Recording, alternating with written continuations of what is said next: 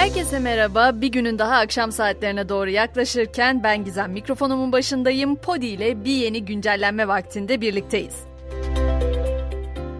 Türkiye'nin Schengen vizesiyle ilgili yaşadığı sıkıntılar devam ederken bugün Almanya'dan gelen yeni kararı konuşur olduk. Başlatılan pilot uygulama neticesinde Türkiye, Çin ve Fas'ta reddedilen vize başvurularının itiraz süresi 6 aylığına askıya alındı. Amacın vize başvurularını değerlendirecek ek kapasite yaratabilmek ve bekleme sürelerini kısaltabilmek olduğu belirtiliyor.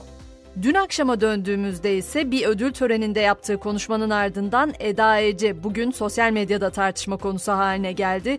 Ünlü oyuncunun deprem bölgesine yaptığımız her şeyi onlar başkaları yapıyor sandı. Sandıktan onu anladık ama neyse sözleri tepki çekince Ece gün içinde pek çok kez video paylaşarak yanlış anlaşıldığını ifade etti.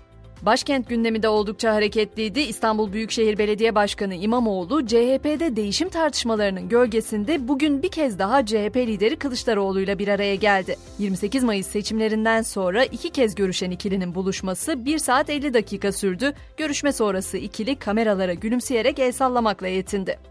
Tabi seçimlerin ardından yükselişe geçerek tarihi zirve seviyelerini gören döviz kurlarında da yüksek seyir devam ediyor. Hemen bir piyasalara da göz atalım. Serbest piyasada dolar 23.67, euro 25.50 liradan el değiştiriyor. Gram altın 1484, çeyrek altın 2426 liradan satılıyor.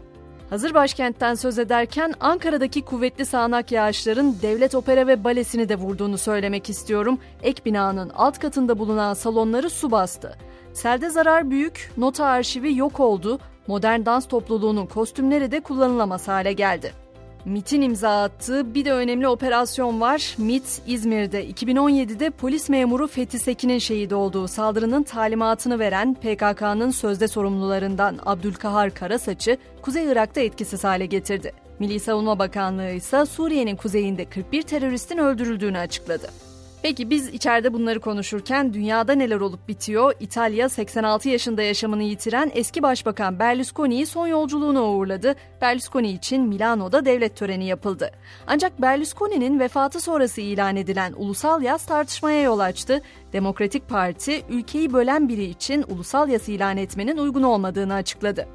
Finlandiya'da ise başkent Helsinki'nin kuzeyinde bulunan Vanta şehrinin belediyesi, ülkeyi bu yıl Erevizyon şarkı yarışmasında temsil ederek ikinci olan sanatçı Karijia'ya bir yıl boyunca kirasız bir daire sağlama kararı aldı. Helsinki'de yaşayan sanatçı yarışmadan sonra çocukluğunun büyük bölümünü geçirdiği Vanta'ya dönme isteğini dile getirmişti. Teknoloji dünyasından da iyi haberler var. Isınan cep telefonları tarih olabilir mesela. Amerikan Kimya Derneği araştırmacıları elmas lifleri kullanılarak nanoteknolojiyle üretilen bir maddenin 4 kat iyi soğutma sağladığını açıkladı. YouTube'dansa para kazanmak artık kolaylaşıyor. YouTube iş ortağı programı kapsamında para kazanmak için şartlarda iyileştirmeye gidiyor. Bu kapsamda içerik üreticilerinin YouTube iş ortağı programına hak kazanmak için karşılaması gereken yeni koşullar şöyle. 500 aboneye sahip olmak, son 90 gün içinde 3 adet herkese açık yükleme yapmak, yıl boyunca 3000 izlenme saati veya son 90 gün içinde 3 milyon shorts görüntülenmesi olması. Kuzey Koreli bilgisayar korsanlarının ise Atomic Wallet isimli kripto para uygulaması üzerindeki 100 milyon dolardan fazla değerde dijital parayı çaldığı ortaya çıktı. Söz konusu bilgisayar korsanlarının Lazarus ismiyle bilinen Kuzey Kore merkezli siber suç çetesinin mensupları olduğu belirlendi. Uluslararası gözlemciler çalınan bu paraların Kuzey Kore'nin yaptırımlara maruz kalan nükleer ve füze programlarına aktarıldığını belirtiyor. Tabi teknoloji iyi güzel ama Amerikan Psikoloji Derneği'nin yaptığı araştırmada yapay zeka ile uzun süreli çalışmanın yalnızlık, uykusuzluk ve alkol tüketimine yol açabileceği saptandı. Yapay zekanın söz konusu olumsuz etkenlerini azaltmak için işverenlerin yapay zeka ile çalışma limiti getirmelerinin ve çalışanların aralarında sosyalleşmesi için olanak sağlanmasının öneminin altı çizildi. Hemen spordan notlarımı da ekliyorum. Avrupa Altın Ligi'nde grubunda lider durumda bulunan A Milli Erkek Voleybol takımımız A grubundaki 5. maçında bugün Portekiz'le karşılaşacak. Ankara'daki maç saat 19'da başlayacak.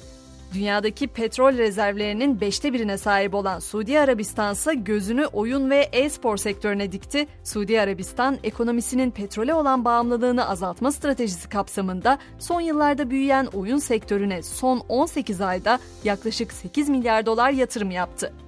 Biz de böylece güncellenin sonuna geldik ve bu akşamın mottosunu Nietzsche'den bırakıyorum buraya. Seni övdükleri sürece şunu bil ki henüz kendi yolunda değil başkalarının yolundasın diyor ünlü filozof. Yarın sabah yeniden görüşünceye kadar şimdilik hoşçakalın diyorum ben de.